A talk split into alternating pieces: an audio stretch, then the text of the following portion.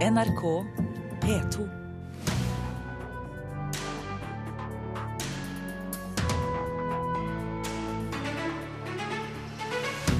Én av fire nordmenn er positive til å spore barn med GPS. Datatilsynet er bekymret. Det ble et ampert møte mellom Statsbygg og Velforeningen om minnesmerket etter 22.07.2011. Skytespillene preger dessverre fortsatt spillindustrien, sier vår anmelder som følger spillmessen E3 i Los Angeles. Og Kulturnytts anmelder har lest årets beste selvbiografi. Her i eh, Nyhetsmorgen i eh, NRK Alltid nyheter og P2 med Ugo Fermariello i studio. Én av fire nordmenn synes det er en god idé å spore egne barn med satellittnavigasjon og systemet GPS. Det viser en ny undersøkelse. Både Datatilsynet og Barneombudet er bekymret. Marina Boja står og venter på bussen på Majorstua i Oslo sammen med sin to og et halvt år gamle sønn som sitter i barnevogn. Han er en aktiv gutt, og hun skulle gjerne hatt tekniske hjelpemidler for å følge med på hva han gjør til enhver tid. Det er viktig. Når, du, når du mister dem, så finner du dem tilbake. Mm. Når du er i parken, på stranda. En ny undersøkelse fra Datatilsynet viser at over én av fire nordmenn er positive til å overvåke barna sine med GPS. I aldersgruppen 30 til 39 år, hvor mange av norske småbarnsforeldre befinner seg, er nesten 40% positive. Overvåkning av barn kan gjøres på flere måter. Engstelige foreldre kan sy GPS-brikker inn i barnas klær, eller bruke apper som bruker mobiltelefons stedstjener for å spore barna.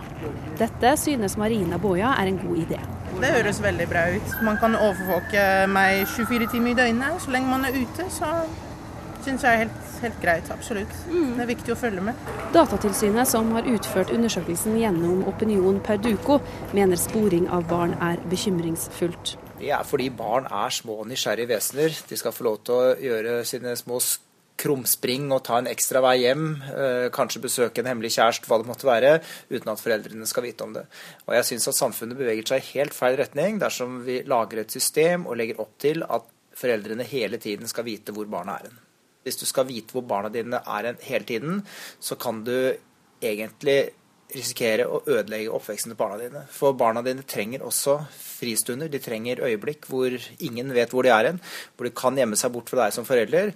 Eh, så når du får den følelsen, og når vi som foreldre får den følelsen, tror jeg det er viktig at vi tar et lite skritt tilbake og tenker at barna må få lov til å utfolde seg, og at vi ikke skal vite hvor de er hele tida. Barneombudet er også skeptiske til å overvåke barn med GPS, og mener det kan skape en falsk trygghet hos foreldrene, som heller bør skape et tillitsforhold til barna sine. Kun i spesielle tilfeller der barn er syke eller trenger spesielt tilsyn, er de positive til denne typen overvåkning. Men dette kan brukes i mange situasjoner, skal vi tro Mats Horn fra det svenske selskapet Tinitel, som er i gang med å produsere barneklokker med innebygd GPS. Det här är en mobiltelefon för barn, tre till 8, 9, kanske 10-åringar. Och eh, det finns ingen anledning för varför inte föräldrar ska få veta var deras barn är. Uh, det, tillhör, uh, det tillhör föräldraransvaret att, uh, att veta vad barnen gör och, och vad de sysslar med. Så jag ser ingen anledning hur det kränker. Det kränker inte barn med att föräldrar ska ha koll på dem. Kun 1% av nordmenn overvåker barna sine med GPS i dag. Marina tror det blir mer av dette i fremtiden. Han er to og et halvt, og han løper og flyr rundt. Så det høres, ja, hvis, det var, hvis, man kunne kjøpt det nå, så hadde jeg kjøpt det i dag. Syns jeg er helt, helt greit, absolutt. Mm. Det er viktig å følge med. Reporter om GPS-sporing av barn, Eirin Venås Sivertsen. Flere norske kulturpersonligheter reagerer på at det svenske firmaet Talerforum tar store summer for veldedighetsjobber mot deres vilje, skriver Dagbladet. Flere av foredragsholderne, som Alex Rosén, Shabana Rehman, komiker Terje Sporsem, står oppført på Talerforums foredragsholderliste, og har opplevd at firmaet har betalt opptil 100 000 kroner pluss moms når de har opptrådt for veldedighetsformål uten at de har fått vite om summen på forhånd. Opplysningene er misvisende og gir et feilaktig bilde av vår virksomhet, sier derimot Talerforum til Dagbladet. Et tidligere ukjent maleri av den franske impresjonisten Paul Gauguin skal selges på auksjon i London denne måneden. Prisantydningen for maleriet 'Rosebuketten' er 12 millioner kroner når maleriet bys frem på Bonhams seksjonsforretning. Gauguin malte bildet da han var 36 år gammel i 1884, og fortsatt arbeidet som aksjemegler, og ga det etterpå til en venn, en politiker i Rouen, hvor han slo seg ned med sin danske kone.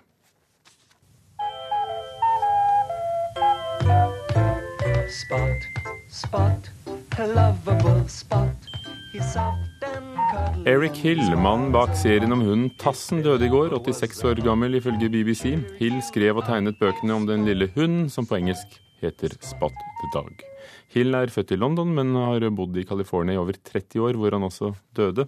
Bøkene om Tassen har solgt over hele verden i 60 millioner eksemplarer.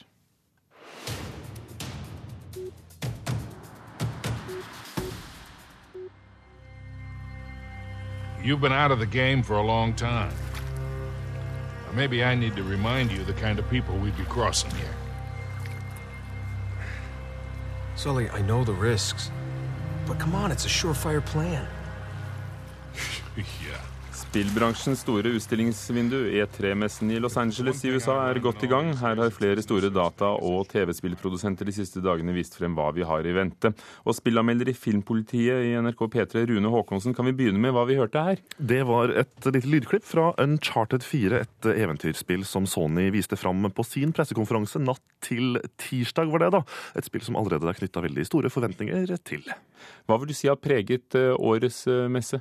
Eh, Det er skytespillene som igjen har fått tatt frontsetet på pressekonferansene til de store produsentene, som da inkluderer Sony, Microsoft, eh, EA og Ubisoft. Og det er jo ikke noe nytt at de velger å fokusere på, på litt actionorienterte og, og virkelighetsnære skytespill, men en ny trend i år er også en litt mer eh, humorvridning på akkurat denne sjangeren, hvor de tar inn fargerike elementer og, og, og velger å spille mer på humor. Men, men, men krig som, som, helhet som tema er fortsatt veldig populært også da i, i, spillverden. Og hva syns du om det?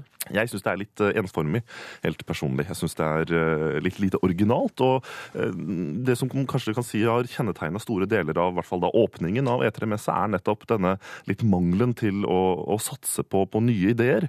Og man gjerne henter fram gamle spillklassikere, henter de frem på nytt, pusser de opp, og ikke minst gjentar allerede kjente skal vi si, skytespillklisjeer, rett og slett. Og hvordan vises det f.eks. i Uncharted, som vi hørte fra? Uncharted er et eventyrspill, men det er jo de maskuline rollene og den ensomme, staute ulven som skal opp mot de store utfordringene. Aller best så kommer dette til syne i den nye utgaven av Call of Duty, som heter Advanced Warfare, hvor man virkelig tar amerikansk krigføring til et nytt nivå, henter inn teknologi, man henter inn droner, man henter inn litt sånn fremtidsvåpen, men ikke minst man henter inn Kevin Spacey fra House of Cards for å gi det hele litt politisk dimensjon.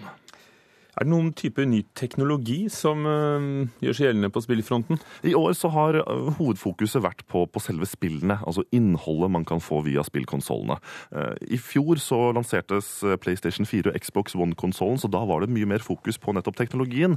I år så er det mer tilbake til hva kan vi tilby deg som lurer på å kjøpe en spillkonsoll, eller deg som allerede har kjøpt en spillkonsoll. Så spillene er det som virkelig har dominert, i hvert fall foreløpig. Og hvem leder konkurransen mellom de store produsentene Sony, Microsoft, Nintendo? Nå er altså alle neste generasjons konsollene ute. Sony leder, kan vi si sånn i hvert fall salgsmessig på verdensbasis, mens Microsoft nå girer opp mot en høstlansering i Norge. Likevel så vil jeg nok si at Nintendo tok en innersving på de aller fleste, og, og, og fikk i hvert fall mest oppmerksomhet og omtale nå da i etterkant av sin pressebrief på, på E3. Og det er nok rett og slett fordi at de har hørt tydelig på ønsket om, om de klassiske ideene, men også litt mer innovasjon enn de to, de to, andre.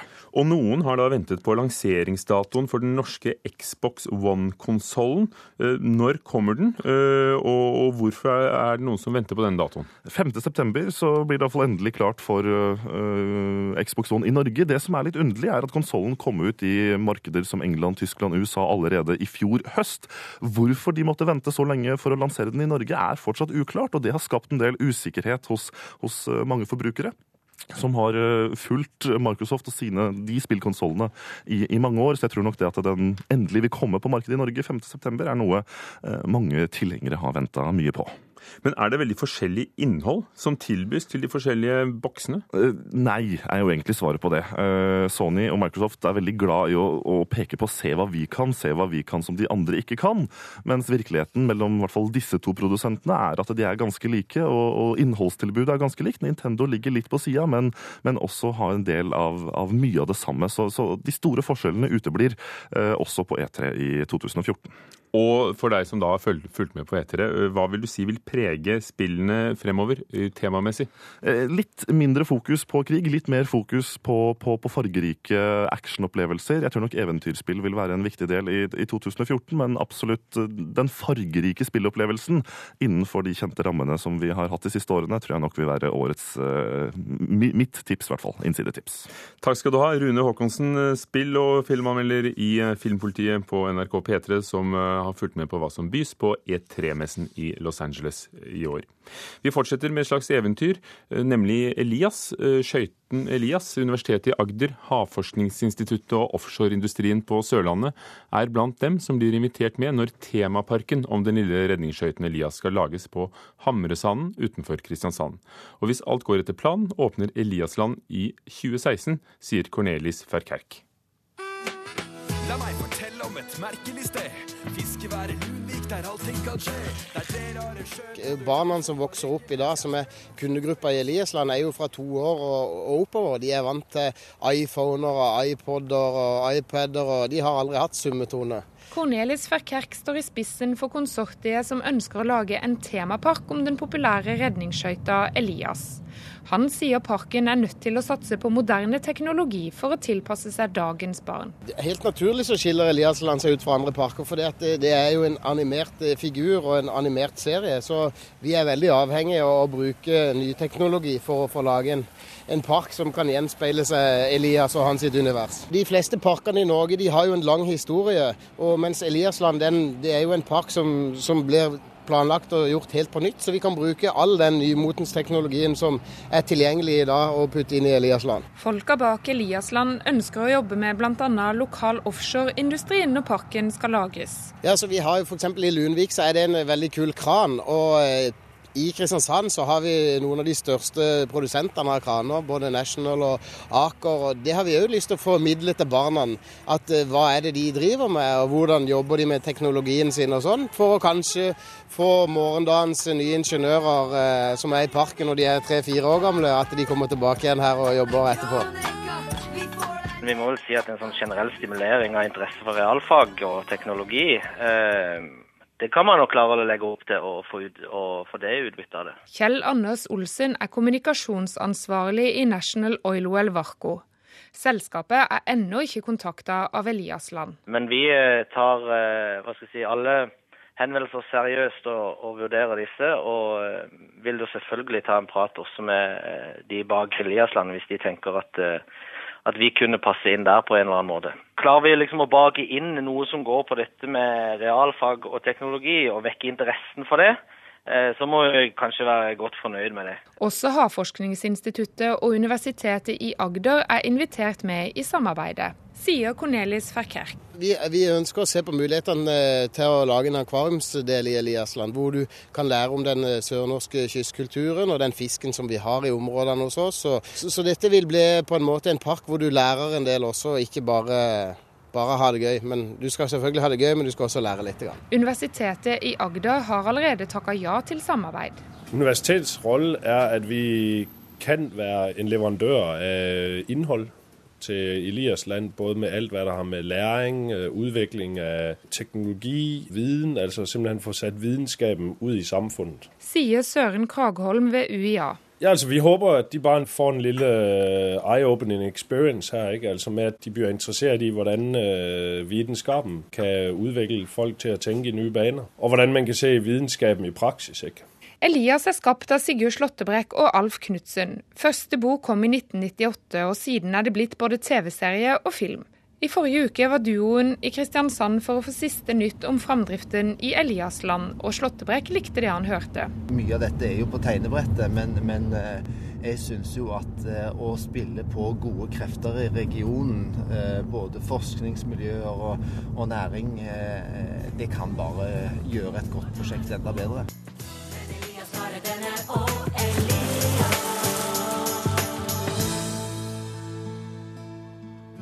Reporter Miriam Grov. Klokken er eh, snart 18 minutter over åtte. Du hører på Nyhetsmorgen i NRK med følgende overskrifter i dag. Politiet har fortsatt ingen spor etter eh, faren til de to jentene som ble bortført ved Kongsvinger i går, men politiet har fått mange tips fra publikum. Nesten halvparten av de som er drept i rus er mellom 17 og 30 år gamle. Unge med rusproblemer må få hjelp tidligere enn i dag, sier Ann Kristin Olsen, tidligere politimester og drapsetterforsker. En mann ble alvorlig skadet da en plastbåt med påhengsmotor kjørte inn i en molo ved Hanøytangen i Askøy i Hordaland i natt. 22.07-minnesmerket på Sørbråten ved Utøya høster god omtale i internasjonal presse, hevder prosjektledelsen.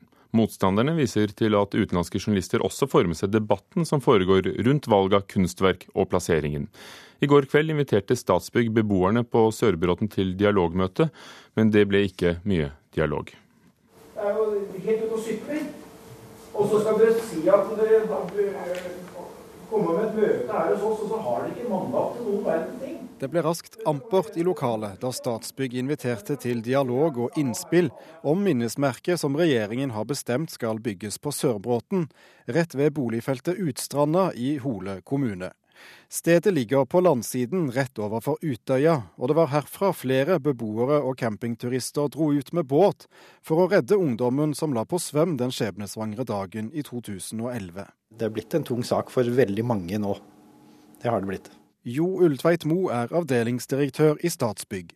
Han leder arbeidet med å virkeliggjøre minnesmerket, slik den svenske kunstneren Jonas Dahlberg har utformet det, med å dele en odde i to. Utformingen og plasseringen er det naboene til kunstverket er mest opprørt over. Men det er utenfor Ulltveit Moes mandat å gjøre noe med. Likevel hadde han håpet å kunne ta med seg noen innspill tilbake til kontoret. Jeg, jeg hadde nok håpet at det skulle være en litt mer uh, uh, konstruktiv uh, hva skal jeg kalle det for noe, dialog.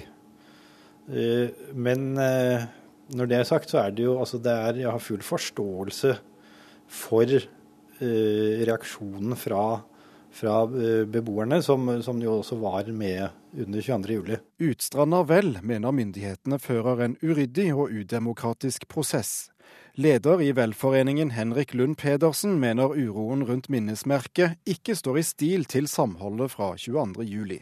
Når et prosjekt eller et minnesmerke som skal være en en greie som samler befolkningen, som vi alle, alle kan øh, stå sammen om, i stedet skaper splid og, og, problemer. Da har man jo feilet. Altså, dette prosjektet har allerede feilet. Det vil ikke Jørn Mortensen i KORO, statens organ for kunst i det offentlige rom, være med på. Han leder kunstutvalget som plukket ut vinneren i konkurransen om minnested, og viser til at en lang rekke internasjonale aviser og tidsskrift roser vinnerprosjektet. Vi ser på det som en bekreftelse på at vi har uh, truffet med, med, kunstnerisk løsning. Tilbakemeldingene har jo også gått uh, mye på at uh, det har vært et djervt og dristig, men også verdig valg, og at designet det er, faktisk, det er vel faktisk også sagt at eh, det, som minnested så vil det være en, eh, en eh, Så vil det endre minnestedslandskapet fordi det er fordi det har såpass kvaliteter. Mortensen må ha lest ganske selektivt, parerer Henrik Lund Pedersen. For utenlandske journalister har også fått med seg debatten rundt minnesmerket ved Utøya. Vi kan vise til mange andre artikler både i Die Zeit og franske aviser og i danske aviser hvor man stiller spørsmålstegn ved dette som foregår. Det er mulig at Kåre har hatt nødt til å samle inn inntrykk som støtter deres sak.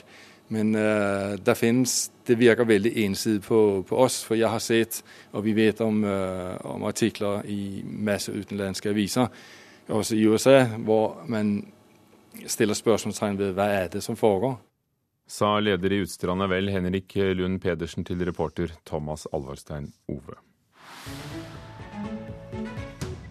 Det skal handle om Stig Larsson, ikke krimforfatteren, men den svenske romanforfatteren Stig Håkan Larsson, som mange norske forfattere sier de er inspirert av.